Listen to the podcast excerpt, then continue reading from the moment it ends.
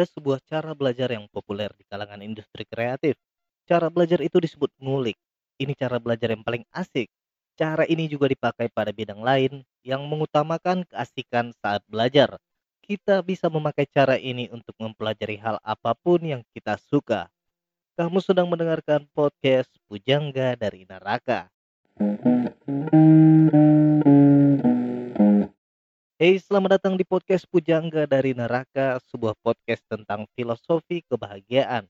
Podcast ini mempermudahmu beranjak dari neraka ke surga, dari penderitaan ke kebahagiaan. Kamu ditemani oleh aku Andri PDN, Twitter dan Instagram @pjdrnr. Jangan lupa follow ya teman-teman. Salah satu cara menjadi bahagia adalah mempelajari bidang yang kita sukai misalnya otomotif atau musik. Namun setiap pelajaran punya rintangan. Jika kita ingin sukses di suatu bidang, kita harus berusaha. Tak jarang membutuhkan usaha keras. Mood kita bisa terancam. Kita merasakan kesulitan. Ada rasa tak nyaman di perasaan demi sesuatu yang menyenangkan. Kita menjalani proses yang tidak menyenangkan. Tapi demi mengerti dan menguasai, kita harus belajar. Seperti itulah dunia bekerja pemahaman dan kemampuan tidak turun begitu saja dari langit, semua harus melalui proses belajar. Ada bermacam-macam cara belajar. Ada yang harus mengikuti pendidikan formal atau informal, sekolah atau kursus, ada yang harus magang, ada yang belajar dari buku atau artikel di internet. Sekarang banyak yang belajar dari nonton video di YouTube. Tidak ada ketentuan baku soal cara belajar, soal dari mana ilmu kita akses. Semua cara belajar bisa efektif jika sesuai dengan daya serap kepribadian kita. Jika kita bersabar, kita akan memanen hasilnya. Waktu akan membuktikan. Seseorang yang belajar secara otodidak bisa lebih pintar daripada yang bersekolah. Bisa juga tidak. Orang yang hanya membaca buku bisa jadi pintar. Ada juga orang yang kesulitan memahami sesuatu jika hanya sekedar membaca buku. Dia harus mendiskusikannya juga dengan orang lain untuk bisa memahami ilmu yang dibacanya. Ada juga yang bisa belajar tanpa perlu membaca buku. Aku pribadi percaya pada sebuah cara belajar yang menurutku sebagai cara belajar yang paling asik, yaitu mengulik. Mengulik menurut KBBI berarti mengusut atau menyelidiki. Jadi kita mempelajari suatu skill atau bidang tertentu dengan menyelidikinya. Kita bertindak ibarat detektif. Ibarat Sherlock Holmes atau ibarat detektif Conan. Bayangkan dirimu adalah detektif Conan. Seru kan? Di dunia anak band biasanya mengulik dimulai dengan mendengarkan suatu lagu yang ingin dipelajari terus-menerus, lalu mencoba memainkannya dengan alat musik, lalu mengeksplorasi faktor-faktor pendukung yang bisa membuat lagu itu lebih gampang dan seru dimainkan. Pokoknya gimana dapat asiknya aja lah. Begitu terus hingga lagu itu berhasil dipelajari, berhasil dimainkan. Mengulik tidak spesifik dipraktikkan di dunia musik, ini bukan istilah milik anak band, sekalipun populer di kalangan anak band. Mengulik bisa dipraktikkan untuk mempelajari apa pun. Kita menyelidiki atau mengusut apa pun yang ingin kita pelajari atau kuasai. Sebagaimana seorang detektif, kita bergerak datang ke tempat yang memiliki petunjuk soal bidang yang ingin kita pelajari.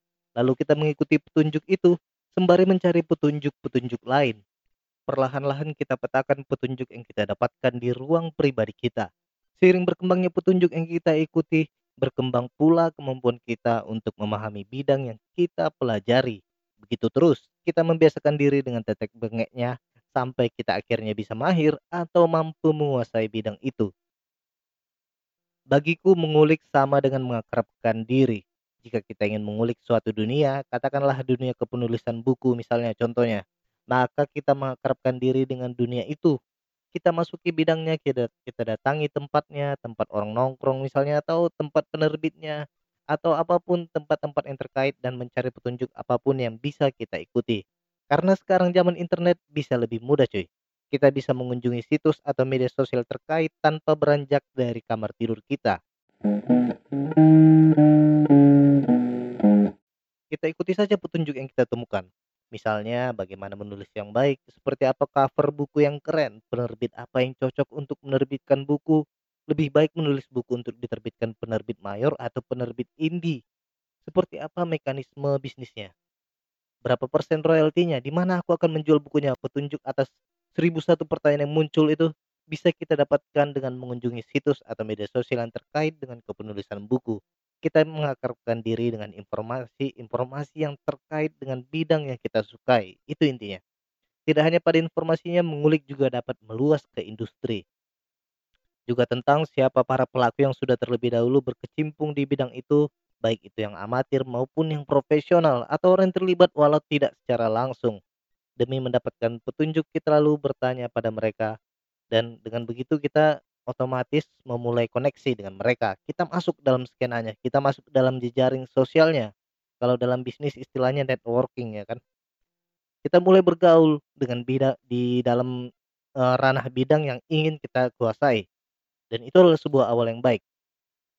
Nyantai kita sambil lalu masuk ke bidang yang kita mau kenalan kenalan sama orang ikut petunjuk kenalan ikut petunjuk eh gitu, -gitu aja gitu kita mengakrabkan diri dengan orang-orang yang terlibat lalu kita belajar dari mereka secara langsung ataupun tidak langsung.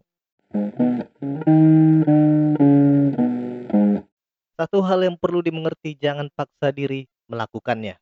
Bergerak sesuai keinginan aja. Itu yang membedakan ngulik dengan cara belajar yang lain. Aktivitas ngulik bersarang di suasana yang asik yang minim beban kita mengikuti petunjuk tentang bidang yang ingin kita kuasai sambil ngelur ngidur, sambil lalu, ambil nongkrong-nongkrong, tidak terjerumus pokoknya pada keterpaksaan. Gimana asiknya aja. Yang penting mengakarkan diri dengan bidang yang ingin kita kuasai. Kita belajar dari petunjuk apa pun yang dapat diterima oleh panca indera kita. Membiasakan tubuh dan pikiran dengan kulturnya, berkenalan dan berinteraksi dengan orang-orang yang terlibat, sedikit demi sedikit menelusuri petunjuk yang ada di bidang itu. Kita mengakrabkan diri dengan bidang yang kita suka. Tentu ini membuat kita lebih bahagia. Ini surga yang ditawarkan oleh aktivitas mengulik. Di bidang itu kita mungkin bermimpi untuk suatu saat menjadi pelaku profesional tertentu. Misalnya kita suka dunia musik lalu bermimpi suatu saat jadi drummer terkenal gitu.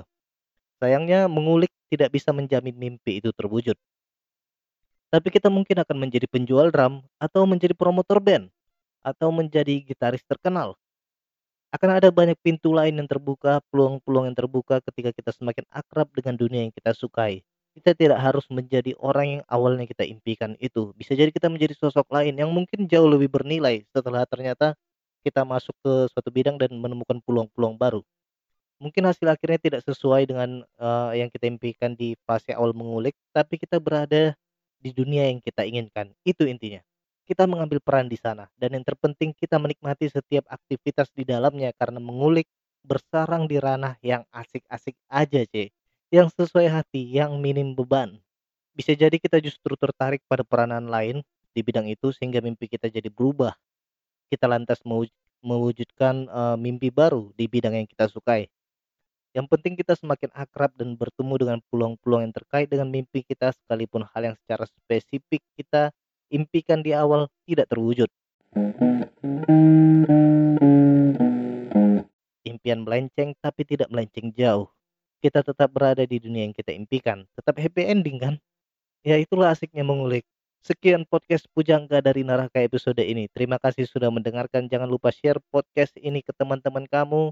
Dengerin bareng-bareng ya diskusikan bersama bisa undang aku juga. Sampai jumpa kembali di podcast Pujangga dari Neraka